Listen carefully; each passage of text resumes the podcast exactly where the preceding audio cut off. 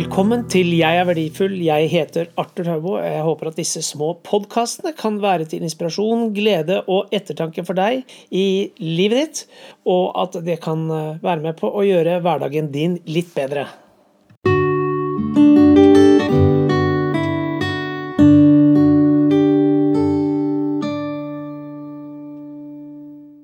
Er du en av dem som sliter med å få gjort alt det du hadde tenkt å gjøre i løpet av en dag? Og kanskje begynner å bli overveldet av alle oppgavene du må gjøre? Da har jeg noen tips.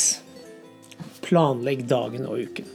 I begynnelsen av uken, om ikke det oppleves for ambisiøst for deg, kanskje helst kvelden før, lag en liste over hva du ønsker å få unnagjort neste dag. Når du har laget listen, prioriter 1, 2, 3 osv. Og husk å sette de viktigste tingene først. 2. Deleger. Når du ser på to do-listen din, tenk nøye gjennom om det du skal gjøre, virkelig er noe du må gjøre, eller om noen andre kan gjøre det for deg. Jeg har personlig ofte tatt meg selv i å tenke at jeg må gjøre det, men det må jeg ikke. Se på listen din og spør deg selv må jeg virkelig gjøre dette, eller kan jeg få noen andre til å gjøre det. Deleger. Nummer tre tidsramme. Når du har laget en liste, er det utrolig viktig å lage en tidsramme for når ting skal være gjort. Og ikke bli for ambisiøs. Du har sikkert hørt TTT. Ting tar tid, og ofte mer tid enn man tror, pga. ditt og datt. Sett et konkret tidspunkt for når du vil at ting skal være ferdig. Som du vet, tar ting lengre tid første gangen man gjør dem, men det er mye viktigere å gjøre tingene skikkelig første gangen enn å reparere etterpå. 4. Noter hvordan du faktisk benyttet tiden. Tiden går. Og en utrolig smart ting er å notere ned hvor lang tid du bruker på ting og tang. Vi mennesker glemmer veldig fort, spesielt jeg. Jeg snakker til meg selv.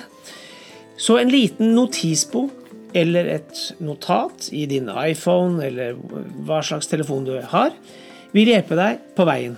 Når du ser tilbake på en uke, vil du fort se hva og hvor tiden fløy, og hva som kunne vært gjort annerledes.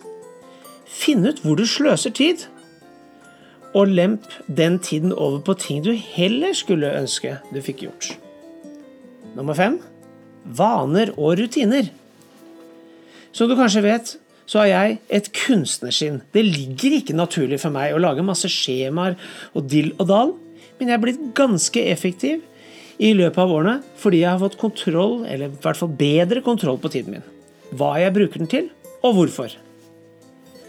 Selv om kjedelige rutiner ikke ligger helt for meg, så har jeg allikevel laget rutiner som jeg følger, og disse har blitt ganske gode vaner, som igjen gir meg bedre tid.